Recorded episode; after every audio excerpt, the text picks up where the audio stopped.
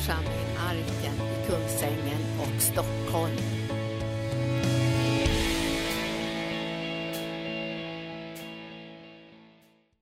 Jag bad lovsångarna sjunga en sång som jag faktiskt vaknade med den här morgonen. Det är en gammal karismatisk sång som jag nog inte har sjungit på 15 år. Men det är egentligen en bön som kommer ifrån, ifrån Matteus kapitel 6. Det är egentligen Fader vår. Jag tänkte jag skulle börja och läsa den i kapitel 6 i Matteus evangelium. Den här bönen. Så det, som när Jesus lär sina lärjungar och de, de eh, frågar ju honom vid flera tillfällen så här att lär oss att bedja. Och då kommer den här bönen i 6 och 9. Så här ska du be. Vår far i himlen, låt ditt namn bli helgat. Låt ditt rike komma, låt din vilja ske på jorden som i himlen. Låt din vilja ske på jorden som den sker i himlen. Och vi vet ju att i himlen sker den perfekta Guds vilja, eller hur?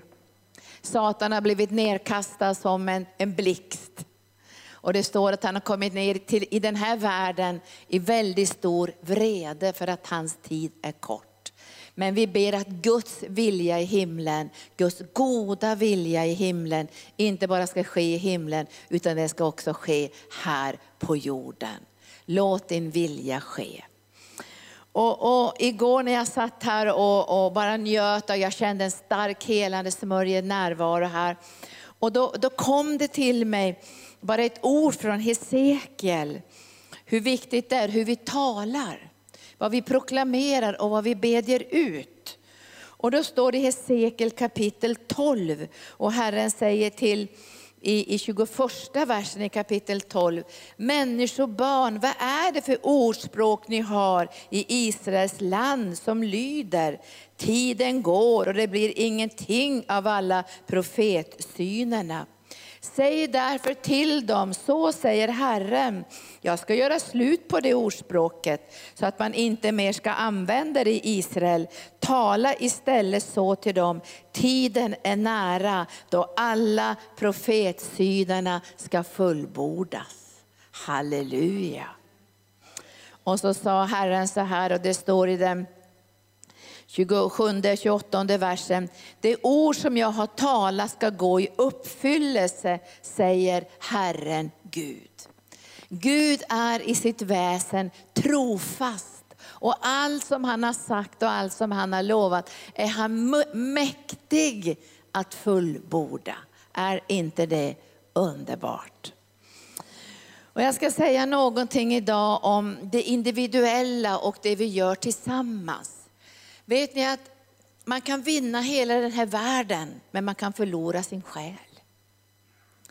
Det är många som upplever det, för Gud lägger ju fantastiska gåvor i människors liv. Han lägger ner pund i människors liv ända sedan de eh, knappt är formade i sin moders liv. Igår var jag verkligen i gasen för en av mina absolut bästa barndomsvänner från årskurs ett var ju med i den här gruppen som kom från Nyköping. Och hon var ju säker i sin kallelse redan när hon var barn, för hon var så otroligt intelligent och så skulle bli läkare. Jag kunde inte stava, jag kunde inte läsa när jag gick i årskurs tre, men jag var äventyrlig till tusan. Så hon och jag, vi skrev vår första bok när vi var tio år. Och vi, vi stal på vinden, vi rev ut bladen ur en gammal bok som fanns och gjorde vi egna pärmar. Så renskrev vi boken, det var över 100 sidor, 160 sidor. Så gjorde vi, renskrev min kompis då, så gjorde vi världens äventyr och staplade alla äventyr på varandra. Och den heter Djungelns hemlighet och vi skickade den till Bonniers bokförlag. Och jag satte upp på min, min Instagram vad de skrev från Bonniers bokförlag. Den var det äventyrligaste laget. Men tio år var vi och skrev vår första bok och sen när vi var elva skrev vi vår andra bok. Och sen började jag skicka in till Bonniers bokförlag olika grejer jag hade skrivit. Jag blev refuserad och refuserad och refuserad. Men så tänkte jag när jag satt där igår, jag, har, jag gav mig inte och jag har skrivit över 20 böcker nu, tack Jesus. Gud lägger ner gåvor i vårt hjärta. Och lägger vi inte de gåvorna på altarplatsen, då kommer de att utnyttjas av människor, för alla vill ha en bit. Och det här ser vi på kända människor ute över världen som har gåvor inom olika områden. Så kommer alla de här som vill ha en bit. Därför att om man inte lägger sin gåva på altarplatsen, så kommer den att kunna nafsas av människor, av mammon, av allt som finns i den här världen. Men om den läggs på altarplatsen och tillhör Herren, då får den hundraprocentigt beskydd. Tack Jesus. Tack Jesus. Och det är det här, vi ska titta lite på det här, för man ser, jag ska ta några bibelställen, bara ska citera lite bibelställen. Men, jag, men jag, jag har tänkt mycket på Jesus den sista tiden, om hur han gjorde Guds vilja. Alltså den här målmedvetenheten om någonting större. Och jag tror att det fanns redan i hans hjärta ända sedan paradistiden. För Gud var ju med, Jesus var ju med när allt det här skapades. Har ni tänkt på det? Alltså hela skapelsen har Jesu DNA. Allt har skapats genom honom och till honom. Och till de första människorna som stod där i lustgården så gav Gud dem ett gemensamt uppdrag att uppfylla hela jorden. Alltså vilken otrolig vision totalt omöjlig för två människor att kunna genomföra. Men det var aldrig tänkt att de skulle genomföra det själva, utan de skulle göra det tillsammans med himlens Gud.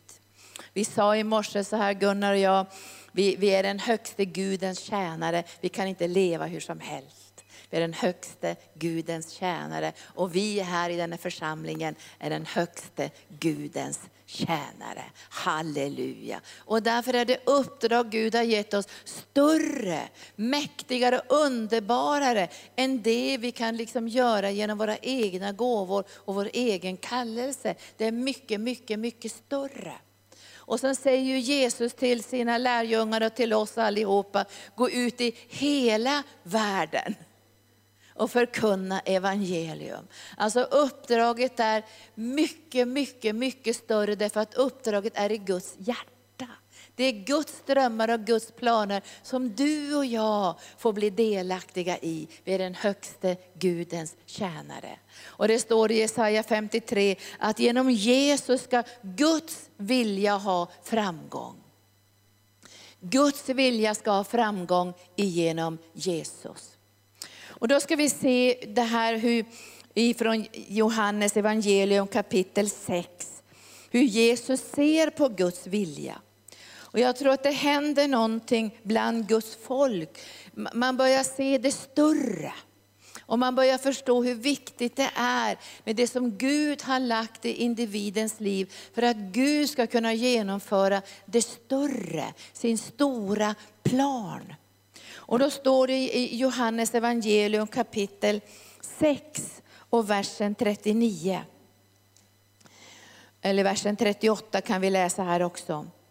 Jag har inte kommit ner från himlen, säger Jesus, för att göra min egen vilja, utan för att göra hans vilja som har sänt mig. Jag har inte kommit ner från himlen för att göra min vilja. Jag har kommit ner från himlen för att göra hans vilja som har sänt mig. Och då måste vi tänka att Guds vilja är mycket, mycket större. Och då kommer ju frågan, vad blir det med mig då? Och den frågan hade ju lärjungarna också. När, när, när Jesus började tala om att, att lämna allt för att följa honom, då började de ställa frågan, men vad blir det med oss då? Och då svarar Jesus, den som har lämnat allt, hus och hem, jorda, gods och barn, familj, allt för mitt rikes skull och för evangeliets skull. Han ska få hundra gånger tillbaka. Och nu står det hundrafaldigt. Och hundrafaldigt betyder ju allt inom alla områden. Vilket Guds löfte. Och då säger, då säger Jesus, här, jag har inte kommit ner från himlen för att göra min vilja, utan hans vilja som har sänt mig.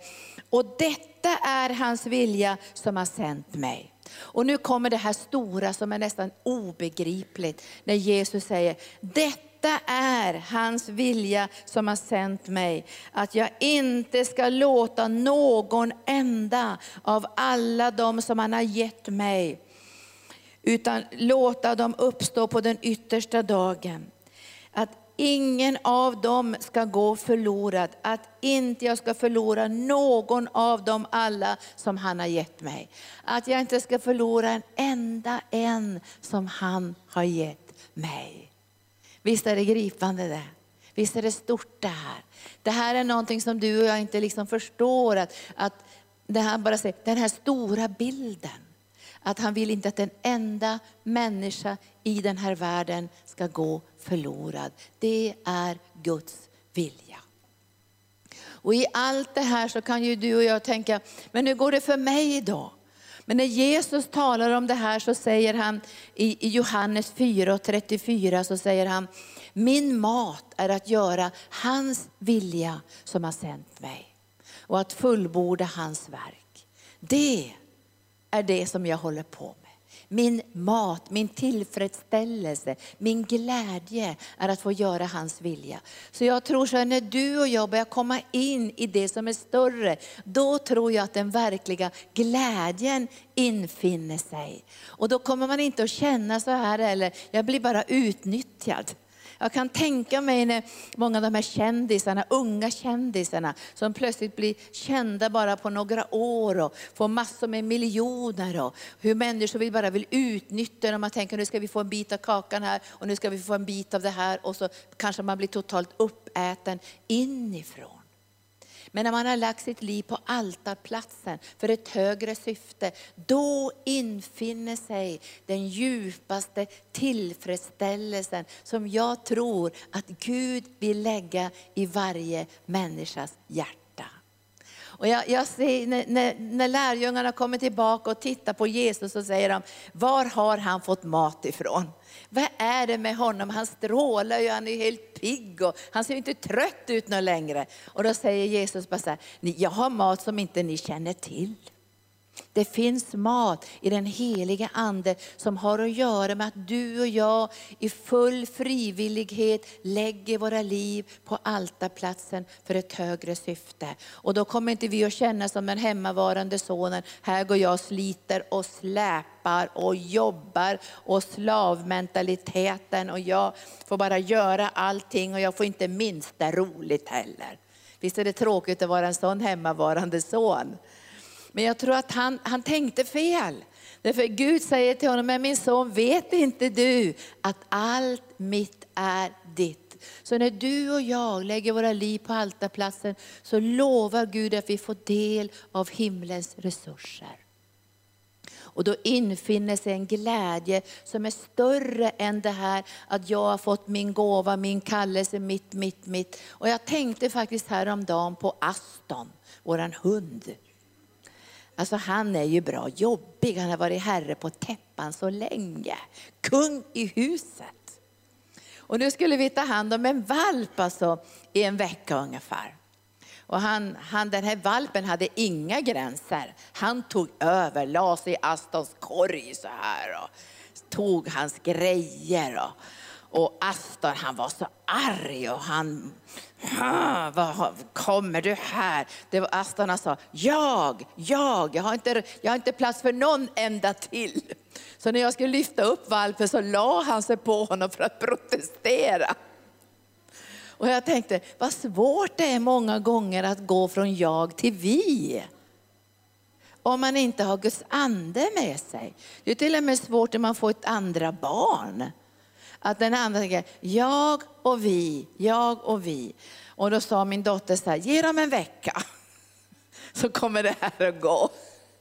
Men jag tänkte det här var jobbigt för Aston. Han fick verkligen kämpa med den stora bilden. Att det fanns någon, några till i hans liv. Men Jesus säger också i 5.30 Johannes evangelium, så säger han, jag söker inte min egen vilja, jag söker din vilja som har sänt mig. Så det fanns också en, en bön i Jesu hjärta, för han visste att någonstans skulle komma ett prov. ett prov när det individuella krockar mot det gemensamma. Så visste Jesus den kampen kommer att komma i mitt liv. Och den kom ju säkert många gånger, för det står i Hebreerbrevet att han grät och ropade i bön under tårar. Låt mig komma utifrån den här smärtan att behöva dö och komma till det eviga livet. Och då står Gud förde honom ut ur den här nöden. Så han hade nog en bönenöd och, och när han började se vad hans liv skulle ända någonstans, vad det var för tankar och planer som Gud hade med honom. Och när han är i ett semana så säger han ju, om det är möjligt Gud så låt mig slippa det här. Men så säger han, jag har ju kommit just för den här stunden. Det är därför jag är här, för att kunna göra din vilja.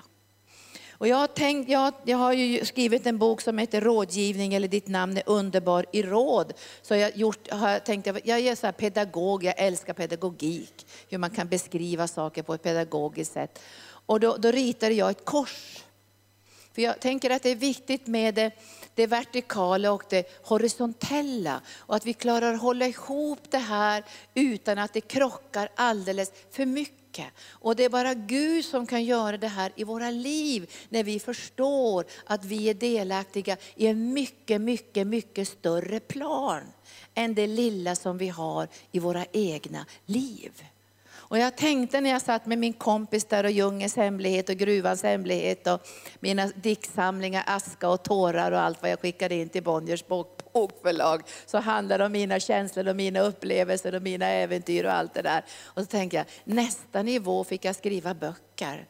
De ska välsigna Kristi kropp över hela jorden. Plötsligt blev min gåva lagd på altarplatsen för ett högre syfte. Tänkte på det igår.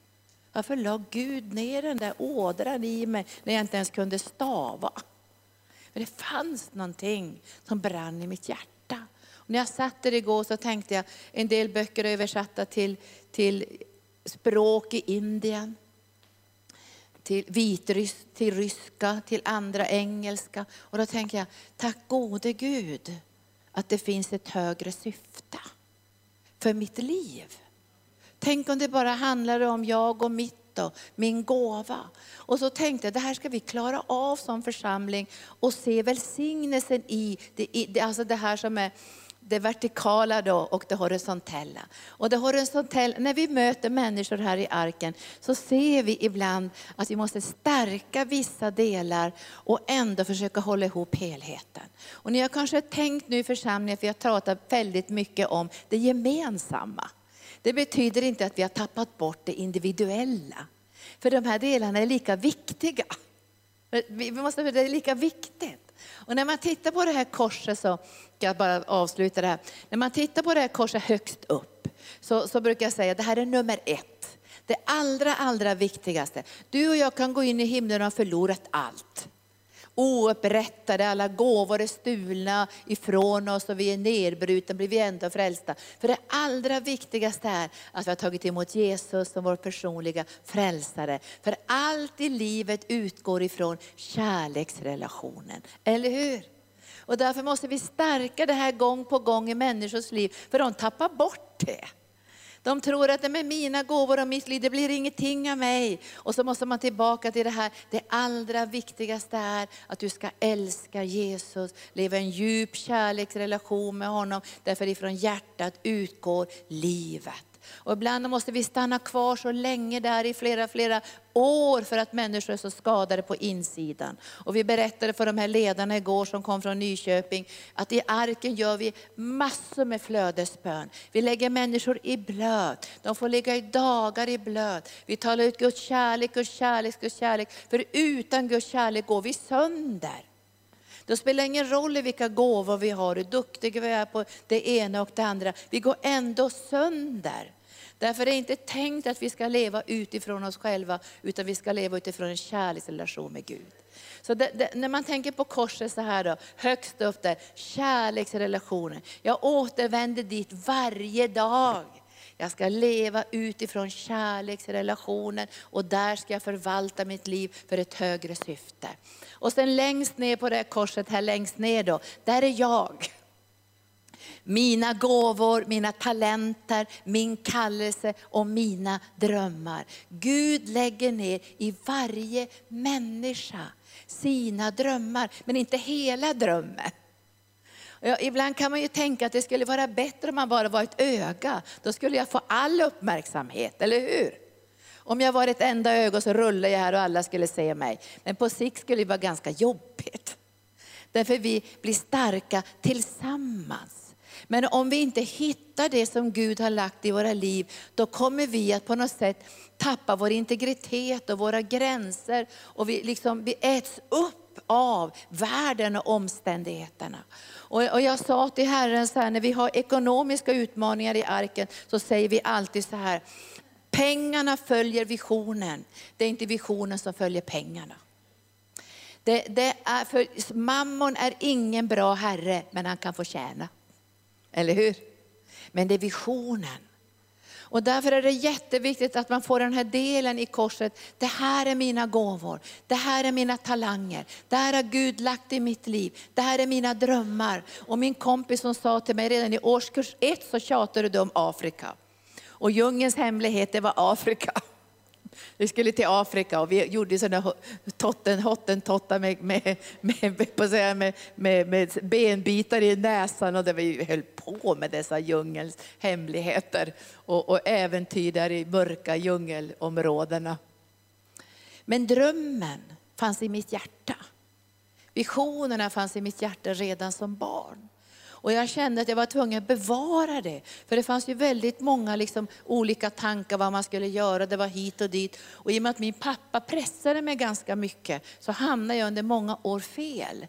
Jag hamnade in i ekonomi istället för det jag egentligen hade som kallelse. Så jag gick på treårigt handelsgymnasium och sen började jag läsa till civilekonom på Umeå universitet. Till jag imorgon vaknade och tänkte, men vad håller jag på med? Jag avskyr bokföring. Och jag tycker inte om siffror och jag kan inte räkna. Varför i all världen sitter jag och läser till civilekonom när jag ska hjälpa människor? Så jag avslutade denna civilekonomutbildning och så började jag läsa psykologi istället och andra kriminologi och sådana här ämnen.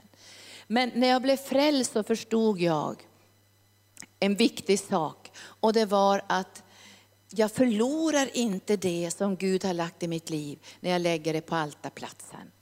För det var det jag tänkte på, då kom, vad händer med mig då? Vad blir det med mitt om jag ska koppla ihop en massa människor? Då kanske jag bara blir en våt fläck eller en blomma i tapeten. Så jag tyckte, det, men det där jag, det är jag och Gud, jag och Gud, jag och Gud, jag vill inte ha det här andra. Och då sa Gud så här, för den större planen, det finns en större plan som är större än ditt eget liv. Och den kan inte genomföras om inte du får tro på att om du kopplar ihop med mig nu i det gemensamma, då kommer din gåva ännu mer att blomstra och få betydelse. Det här var för mig ett trosteg. Gud är god. Och jag tror vi alla behöver ta det här trosteget för att komma in i det som är större. För Guds stora plan handlar ju om att ingen av dem som han har gett sitt liv för ska gå förlorad. Är inte det en stor plan? Ingen av den som han har gett sitt liv för. Och då kommer jag till det här horisontella. Och, och det som jag tänkte så här, det som är till vänster då, det vi tillsammans, vi tillsammans, vi står tillsammans för det stora uppdraget och då blir korset komplett. Det stora uppdraget att nå världen med frälsning. Och när vi satt igår så sa jag så här till de här ledarna, att vi kan inte göra allt. För nöden är så stor över världen, vi kan inte göra allt, vi kan inte nå alla människor. Det är Jesus som bär den stora bilden i sitt hjärta. Men det som vi ska göra, det som vi ska koppla ihop med, det som vi ska säga ja till, det ska vi göra så bra som församlingen Arken. Att när vi en gång går igenom den här pärleporten, Halleluja, då ska Gud säga så här, inte väl gjort Linda Berling, väl gjort ni, Guds församling som kopplade ihop med den stora drömmen för att världen skulle nås med evangelium. Det finns en större dröm och därför så ber ju Epafras, han har ju en bön i sitt hjärta i Kolosserbrevet. Och, och det, man känner ibland att det blir en sorts eh, kamp mellan det här. Och kampen är, vad blir det med mig då? Men jag ska säga det, jag tänkte på Elvis Presley faktiskt häromdagen. Vilken fantastisk gåva han hade. Och han började nog sjunga, nu har jag inte följt hans story så mycket, men man höll ju på när man var i tioårsåldern, är det Tommy Steele eller är det Elvis Presley, och man skulle liksom, vem skulle man hålla på? Men jag tror att han började i en kyrka. Jag tror han började och fick sjunga. Många av de här stora sångarna har börjat i kyrkor och sen kommer världen in så blir de berömda och så tappar de fokus och så blir de uppätna och så blir deras gåva uppäten och så börjar de ta droger, alkohol för att kunna vara fria och så vidare och så vidare och så vidare. Och sen äts gåvan upp av världen. Men den gåva som du och jag har i vårt hjärta, den ska inte ätas upp av världen, eller hur? Tack Jesus. Och nu ber Epafras. I Kolosserbrevets sista kapitel så finns det en sån bön från hans hjärta. Och jag, jag, jag vet att våra ledare här ber varje dag den här bönen tillsammans. Och att vi får känna det här tillsammans. Och då, då står det om Epafras ifrån 4 och 12 så säger han, Epafras som är en av er hälsar han är en Kristi Jesu tjänare som ständigt kämpar för er i sina böner för att ni ska stå fasta, fullkomliga och fullt övertygade om hela Guds vilja. Vi ska stå fasta, övertygade, fullkomliga om hela Guds vilja. Det här var en bön som han hade i sitt hjärta hjärta. För vi vet att det, det, det kan bli sådana attacker, att man, man känner så här, handlar det bara om församlingen då? Eller handlar det bara om evangelisation då? För ibland måste man betona en del av det här korset. Och ibland måste vi betona att nu måste vi nå ut, nu måste vi nå ut till människor. Det betyder inte att vi har tappat bort de andra delarna. Det är sånt som ledare måste hålla ihop, den här helheten. Det individuella och det gemensamma och den stora uppdragen och det utåtriktade. Och ibland måste vi lägga betoning på olika saker. Och man kan inte lägga betoningen för länge inom ett område för då tappar man helheten.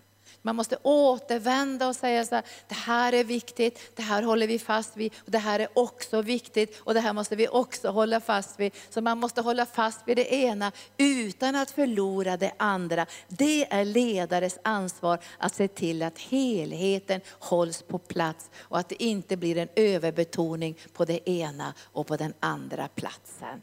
Det kallar vi i kristendomen för balans. Det är balans. Nu ska vi ta den, den sista bibelversen i Filipperbrevet 2.13. Och det ber jag mycket för mitt eget liv också. För jag har tänkt så här, jag tror inte att, att de här frukterna som är uthållighet och fasthet och sånt där, det, det, det växer inte på topparna. Jag har aldrig känt det. På topparna växer glädje och jubel och kärlek och allt sånt där.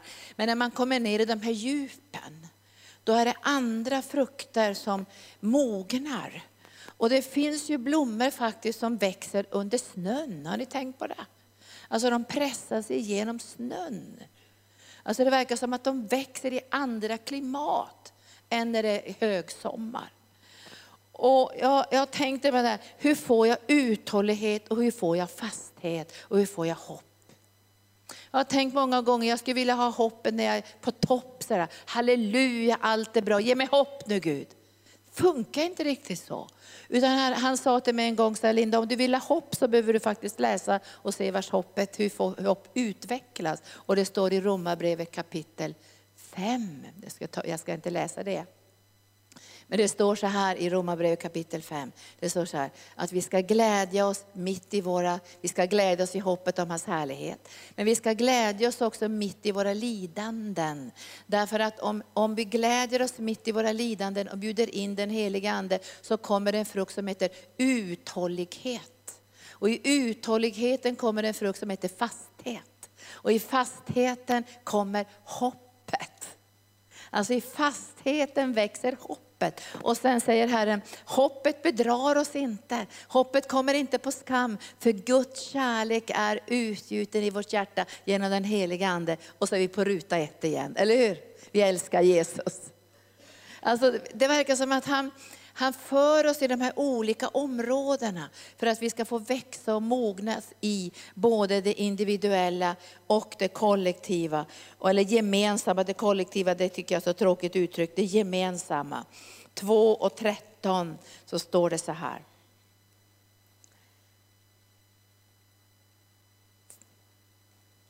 Arbeta med fruktan och bävan på er frälsning.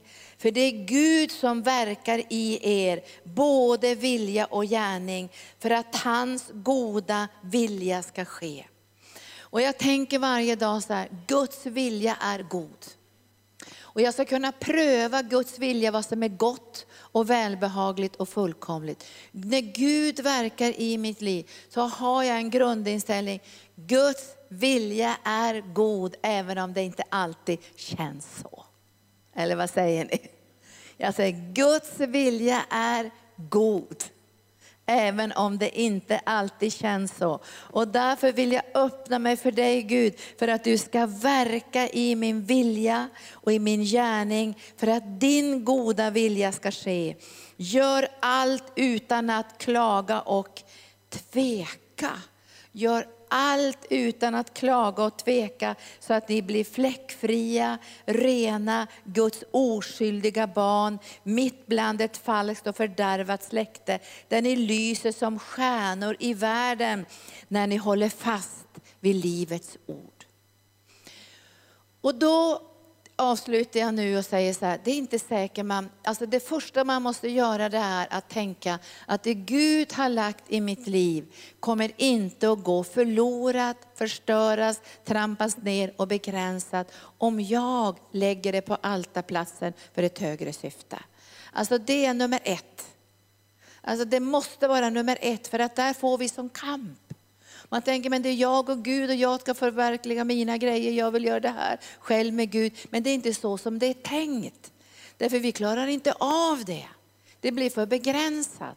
Och vi går under, därför vi får inte det beskyddet i den gåvan som vi har om den inte läggs på altarplatser. För då kommer den att naggas i kanten och ätas upp av det som finns i världen och omständigheterna. Och det kan vi se på människor över hela jorden, att det, man kan förlora sin själ. Man kan vinna den här världen men man kan förlora sin själ. Men Gud vill inte att du ska förlora din själ. Utan han vill att du ska blomstra, utvecklas och växa i allt det som Gud har lagt i ditt innersta. Vi måste få tro på det. För annars kan vi aldrig säga ja till det gemensamma. För då tänker vi om jag säger ja till det gemensamma, vad blir det med mig då? Ska jag bli en våt fläck? Så kan man ju tänka. Utan det är precis tvärtom. Allt det Gud har lagt i ditt liv, det kommer att lysa och bli till den mest fantastiska välsignelse för Herren. Och jag, jag tänk, nu, ska, nu ska jag bara gå ner för landring, för jag har gått tänkt mycket på att på lilla Josef som i barndomsåren fick de här drömmarna i sitt hjärta.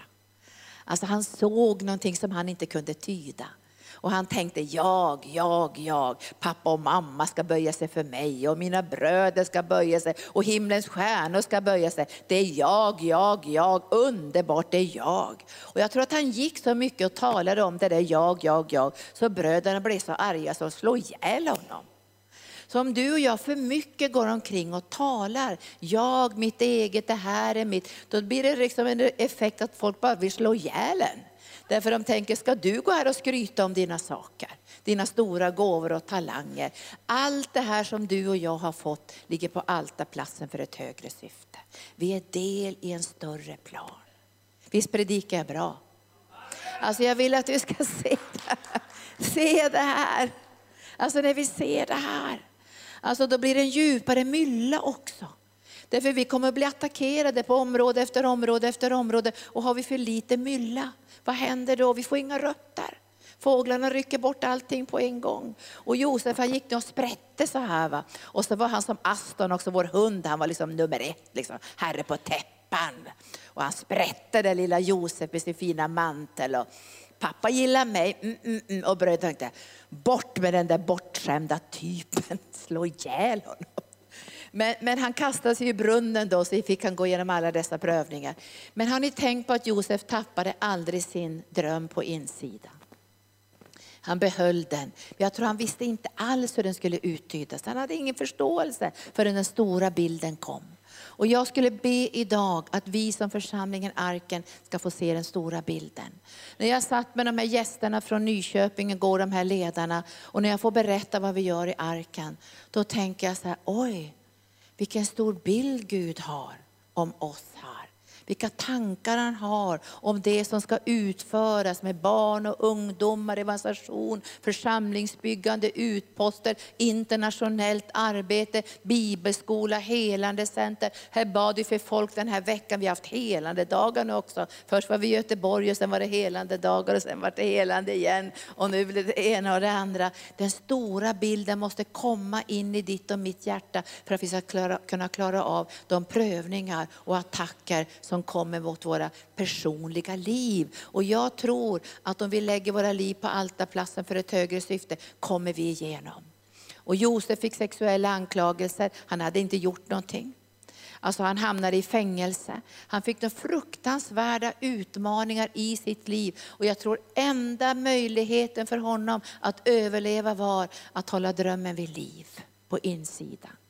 Och sen kom den här dagen när kungen är helt förtvivlad. Ni vet. Han berättade en fruktansvärd dröm. Alltså, jag har sett sju feta kor som blev uppätna och magra kor. nu har jag inte kunnat sova. Jag måste få tydning på denna dröm. Och nu kommer det snart vänner en profetisk tydning för oss. Vad våra liv kommer att betyda för någonting som är större.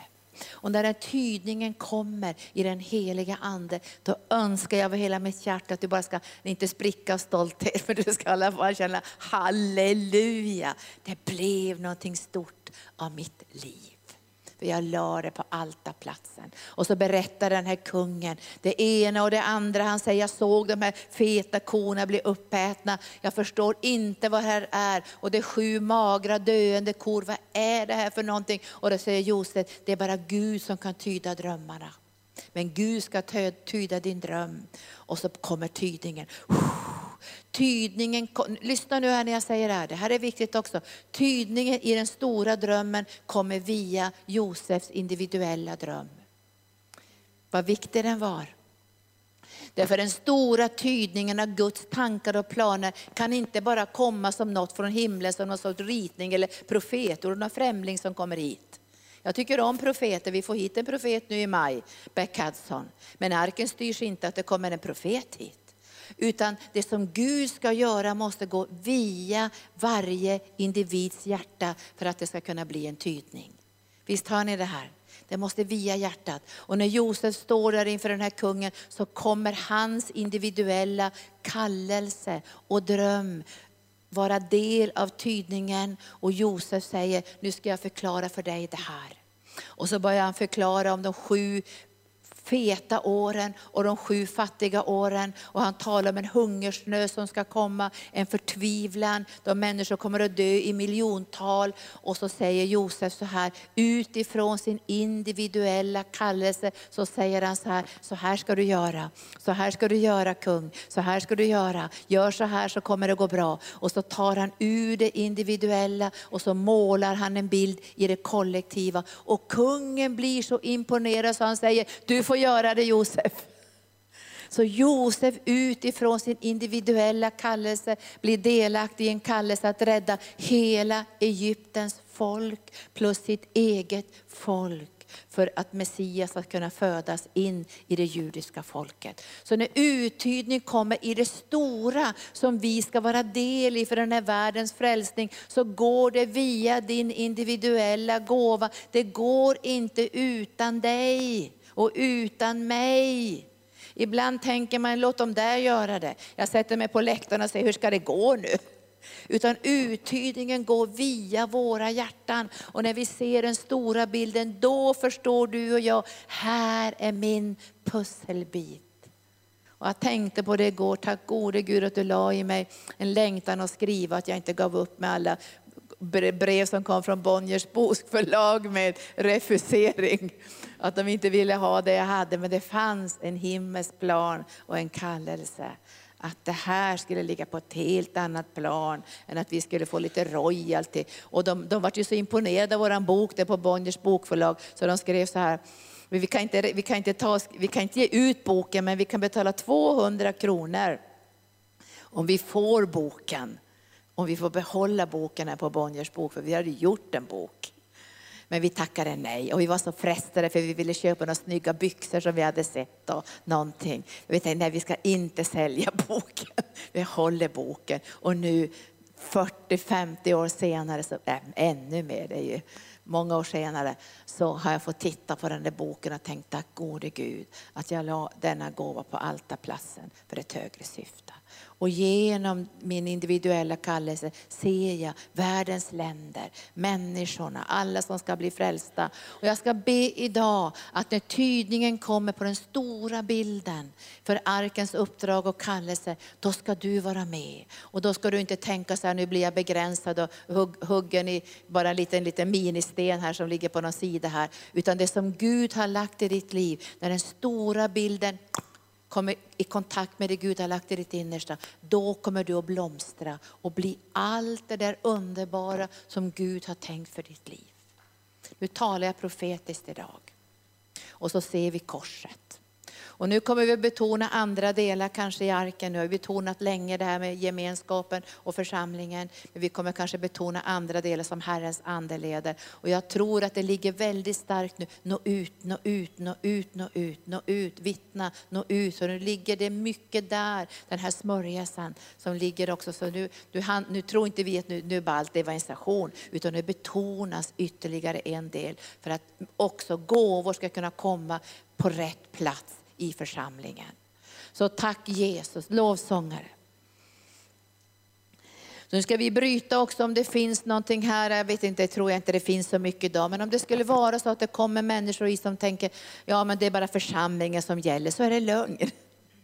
Utan det är allting som gäller, men det är framförallt Jesus som gäller. Låt din vilja ske. Låt ditt rike komma. Och då tror vi att alla tusen och åter tusen blommor ska kunna blomstra. En del blomstrar under högsommar, andra blomstrar i snön. Det är olika tider för olika blommor, men det är Herren som leder oss var och en. Och nu ber jag helige Ande att gåvor du har lagt i syskonens liv ska få blomstra. Och jag proklamerar ut i den helige Ande att allt du har lagt i människors liv på den här platsen ska komma till sin rätt. Och att finns det lögner att någon blir begränsad eller vinklippt eller att det liksom bryts ner, så bryter jag sönder den lögnen. För tusen blommor ska blomstra och de ska få kraft att utvecklas och de ska bli allt det där som du har tänkt Herre. För du behöver oss alla. Och jag ber Gud att de gåvor du har lagt i våra liv ända sedan födseln, att när vi lägger dem på altarplatsen så kan världen inte nå dem. Då är vi inte som en cirkusartist som står på två hästar samtidigt, utan vi har lagt vår gåva på altarplatsen. Där finns beskyddet från den heliga Ande och världen kommer inte nagga på den och mamman kommer inte äta på den och människor kommer inte utnyttja våra gåvor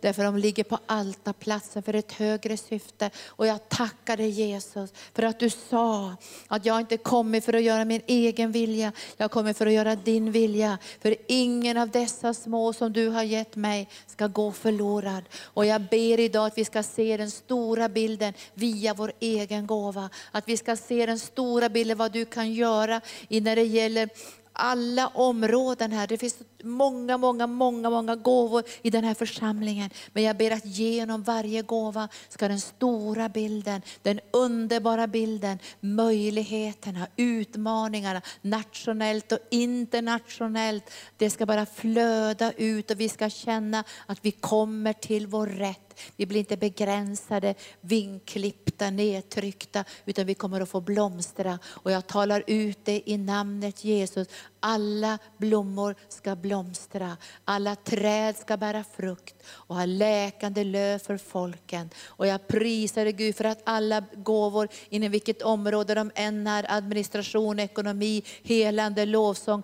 alla gåvor ska blomstra. Jag talar ut i anden och jag säger till dig Satan, du böjer dina knän och alla lögner, allt mörker, det böjer sig. För alla blommor ska blomstra.